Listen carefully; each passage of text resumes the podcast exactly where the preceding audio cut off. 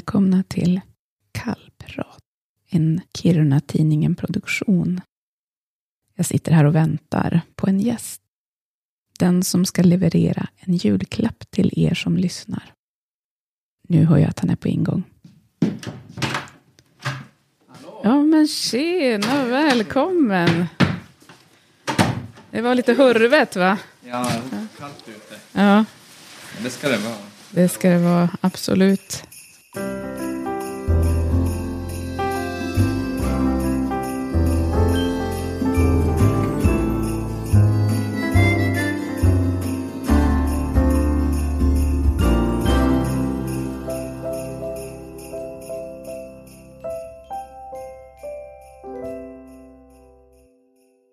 Välkommen hit, Tack. Mattias Timander. Tack Sofia.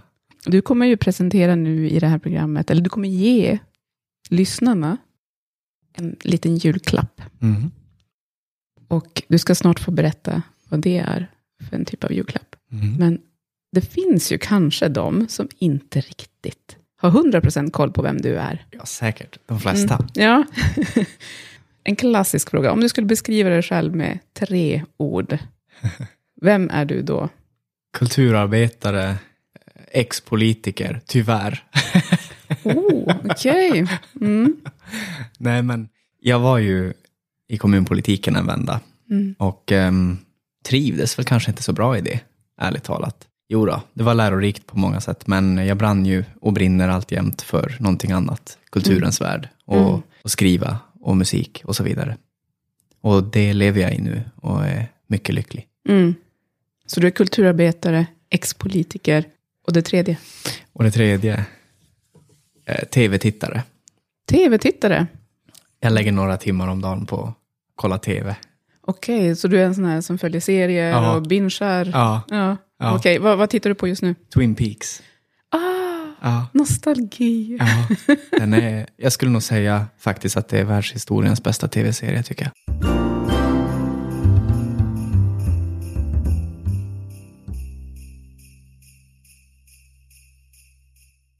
Men du Mattias, ehm, vart började du? För att jag menar kulturarbetare, då är man ju förmodligen intresserad av att uttrycka sig på något sätt kanske. Mm. Vart har du börjat någonstans med kulturen? Jag funderar om det var teatern eller musiken som var först. Vi har ju alltid haft både musik och teater i, i hemmet. Alltså, egentligen hela familjen var med i Kiruna Amatörteaterförening på det ena eller andra sättet. Spela nyårsrevy och sådär. Det var som inte frågan om om man skulle spela musik, utan snarare vilket instrument ska jag spela. Så, så fort jag nådde upp till tangenterna så blev det att man började med pianot. Och så som, det har som alltid funnits med där. Och ibland tappar man bort det såklart i livet när man hittar på en massa olika äventyr. Och då behöver jag hitta tillbaka för att känna att jag verkligen trivs. Man behöver sin kreativa tid i vardagen eh, om man har det med sig Mm. från början så att säga. Mm. För att inte tappa bort sig. Nej, precis. För du har ju stått på scenen ända sedan du var hur gammal? Just i Nyårsrevyn och... Ja, jag var med i barnteatergrupp först i det här huset, Kiruna Amatörteaterförening. Och sen så jobbade jag på Astrid Lindgrens Värld i Vimmerby 2009. Och efter det så var jag med i Nyårsrevyn och har varit varje år efter det fram tills kanske 18. Ja, precis. Det är där vi har sett dig växa upp. Ja, Faktiskt. ja. Undrar hur stor Mattias har blivit i år. ja vad kul. ja. Nej, men det är ju en fantastisk förening, Kiruna Amatörteater. Ja, så många människor som hittar in i den föreningen och hittar sig själva och eh, får liksom prova på. Vissa har inte bara inte stått på scen utan inte alls uttryckt sig på det sättet och eh, vågat gå utanför sin egen comfort zone och så vidare. Och har, man har ju sett så många människor växa något så enormt i den här tillåtande kulturen. Det är en fantastisk förening, som du Mm. säger. Mm.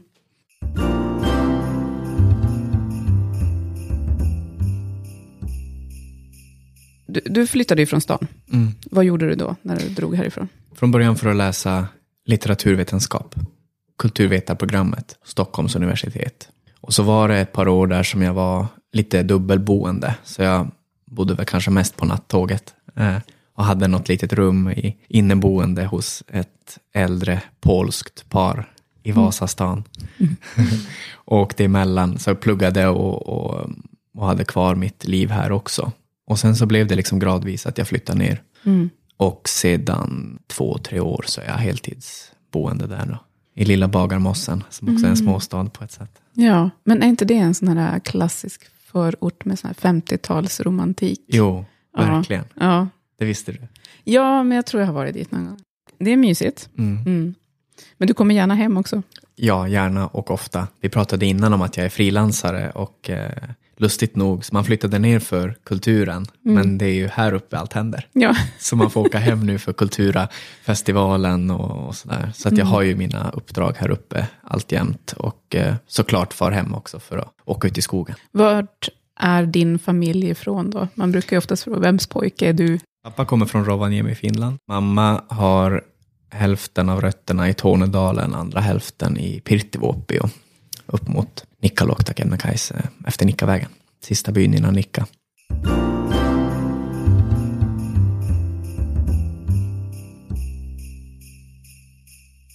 Till exempel så har man kunnat höra dig läsa upp egenproducerade texter i Tankar för dagen på Sveriges Radio. Mm. Så du är in, lite mer inne då på att skriva litteratur. Just det. Vad, har, du, eller har du något projekt på gång nu? Ja, min debutroman kommer ut nästa höst wow. på Weiler förlag. Och det är en historia som dessutom utspelar sig här uppe, mm. delvis i alla fall. Så jag lägger nästan all min tid på att färdigställa den här boken. Och i övrigt så medverkar jag lite i tidskriften Provins när mm. andan faller på.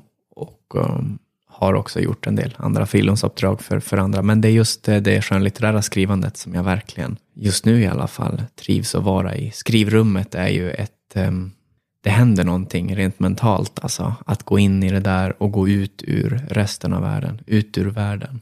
Mm. In i en bubbla. Mm, verkligen. Men är, vad är det för typ av berättelse du skriver? Det är en roman, det är på dialekt. Mm -hmm. eh, väldigt mycket mer dialekt än jag någonsin har haft. Men det är en lek med språket kan man säga. Och utspelar sig i en liten by. Det blir en slags poesi med dialekten också. Mm. Att liksom grotta i musiken, de musikaliska kvaliteterna i språket, mm. i dialekten. Det är oerhört vackert tycker jag. Kanske att man behövde komma ifrån det för att upptäcka det eller få syn på det. Men eh, vi talar vackert här uppe. Man kan, det kan ta emot lite initialt när man ska skriva och få tvingas skriva medvetna grammatiska fel. Okej. Okay. Som vi säger här uppe. Ja. Ge något, ge, ja, precis. Ge något exempel. Jo, men jag sa till han att... Ja, just det. ja, det var enda jag kom på just. Ja, ja men sånt där. Och då, då tar det emot lite, för man har ju någon slags idé om att man ändå ska skriva en stor och pretentiös och vacker roman. Men det är vackert. Mm. Det är vackert. Kan du berätta någonting mer? Vågar du göra det? Jo, men det handlar om en ung person som har ärvt ett, en gammal stuga efter sina döda föräldrar. Och efter eh, gymnasiet där någonstans så vet han liksom inte var han ska ta vägen, vad han ska göra utav sitt liv. Så han blir kvar i den där byn, en väldigt liten by mm. som påminner väldigt mycket om Pirtivuopio. Mm. Och Eh, han sitter där och han umgås med gamlingarna och dricker kaffe och blir väldigt intresserad av liksom historien i byn och sin egen släkts historia. Vars kommer vi egentligen ifrån? För han har nämligen inom sig, utan att berätta det för någon annan, stora identitära grubblerier. Liksom. Vem är jag och var hör jag egentligen hemma? Han har en mm. dröm om någonting större, någon intellektuell stimulans som han inte upplever att han får i den miljö han är satt i. Så eh, han längtar väl bort samtidigt som han är mycket väl medveten om att det är där han är rotad. Mm. Så att det är lite de funderingarna då som boken så att säga kretsar kring. Mm. Är det något du kan känna igen dig i? Ja, absolut. Det är mm. väldigt mycket mitt eget liv. Berättelsen är helt och hållet påhittad, såklart. Mm. Det som händer i boken. Men eh, det finns ju någon slags ram, som det väl så ofta är när man skriver, att man utgår ifrån sig själv. Många av personerna eh, är ju mycket, mycket inspirerade Mm. Mormor och morfar finns med och, och, en del andra också. Men man tvistar och lägger ihop. De, ofta blir det så att två verkliga personer kan bli en karaktär. Just. Att man plockar okay. liksom lite och sådär. Och ett, ett namn som någon har i verkligheten kan den där personen istället få i boken. Mm. Så att, ja, det är en hittepå såklart. Det korsas ibland mm. med det verkliga. Va, vad sa du, när skulle den komma? Nästa höst. Nästa höst. Så det blir alltså då hösten 24, ungefär i samma veva som Bokmässan i Göteborg, alltså början av hösten. Okay. Din vilja sitter i skogen, är ett arbetsnamn i alla fall. Ah, Okej, okay. får vi se vad det blir. Men du måste ju ha något släpp på bokhandeln här. Eller ja, men självklart. Ja. Det blir åtminstone en release här, förhoppningsvis två releaser, men det är klart att den ska släppas i Kiruna. Ja, självklart. självklart. Mm. Spännande, spännande. Jag får börja planera det redan nu med Tora och gänget. Jajamän, det gör de nog så gärna.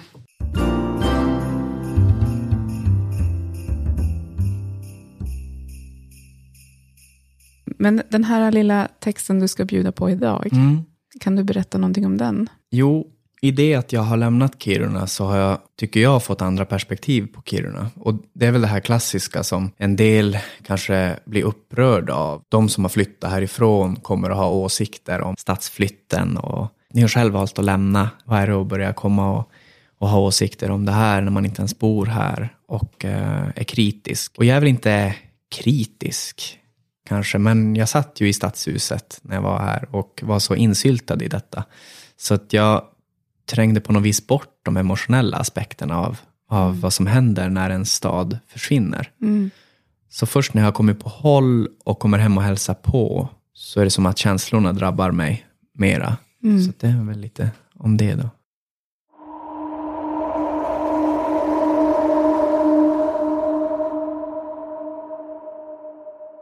Kiruna betyder ripa. Jag har inte sett ripa så många gånger. Men när jag gjort det har det varit en närmast magisk upplevelse.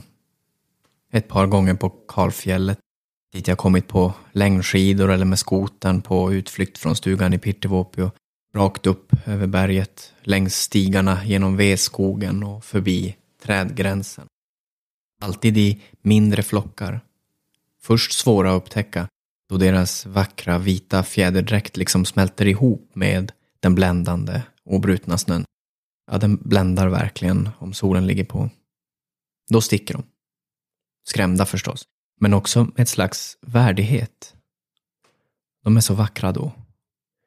Och jag har tänkt att de sticker med en sorts obrydd medvetenhet om sitt värde. Besviket också. Jaha, ni är här igen och stör. Ja, ja, vad ska man göra? Och likadant när man kommer med bilen och de sitter några stycken längs vägkanten ståtliga, större än man tror. Man kommer ju närmare när man är med bilen förstås. De sticker och ser på en med besvikelse. Jaha, nu kommer ni och kör bort oss igen. Nej, absolut, vi flyttar på oss. Vad ska man göra?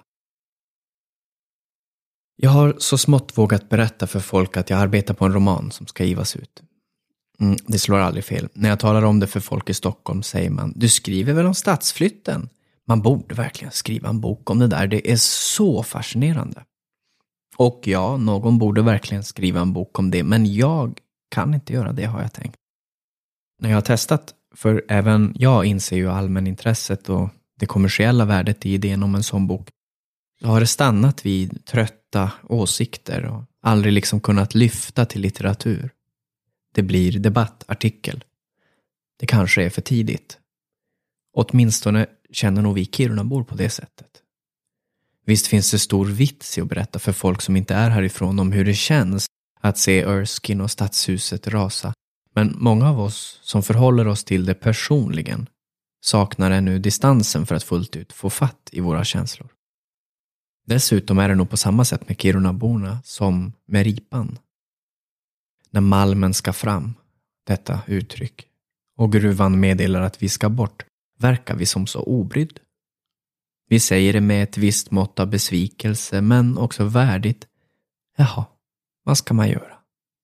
Vi flyttar så ni kan ta plats.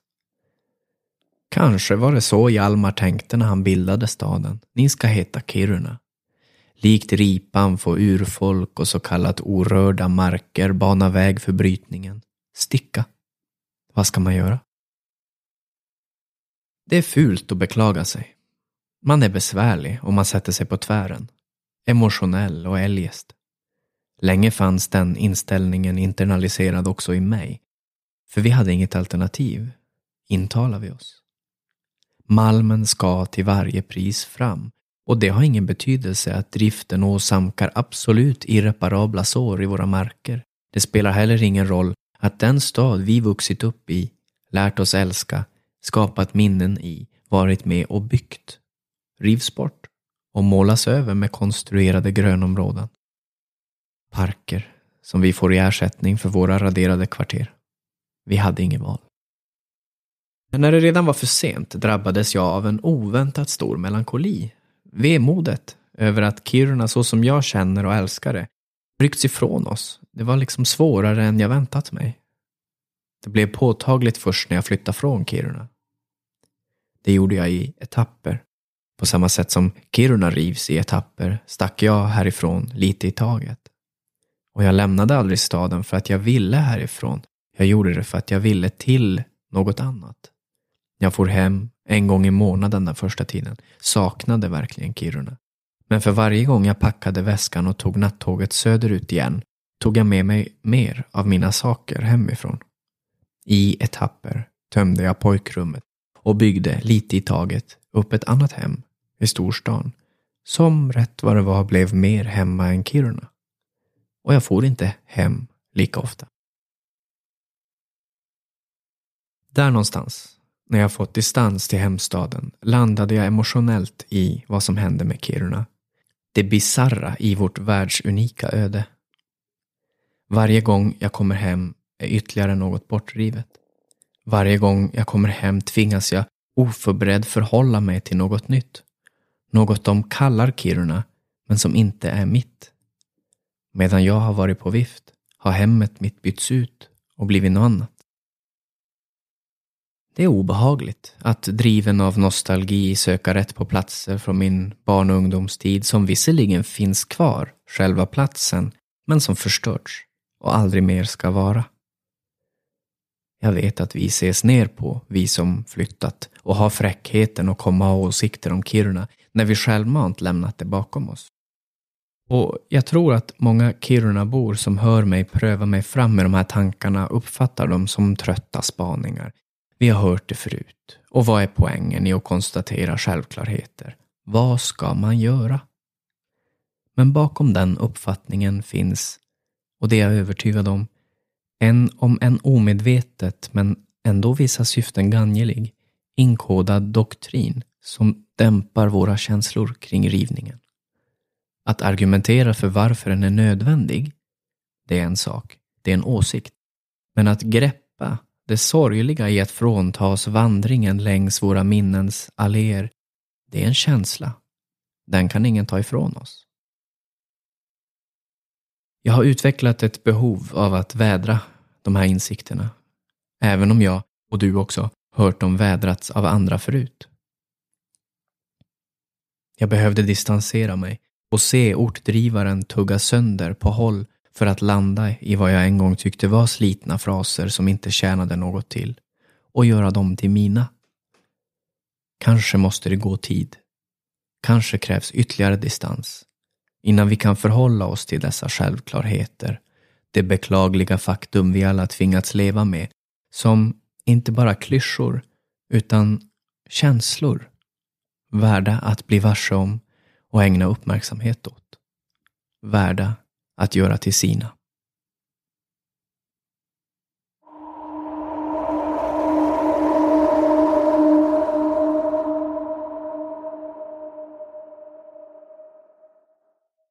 Tack Mattias Timander för ditt bidrag till Kallprat, en Kiruna-tidningen produktion och specialutgåva i mellandagarna. Jingel Mattias Timander. Producerar gör jag, Sofia Agronius. Gott nytt år. Hej då!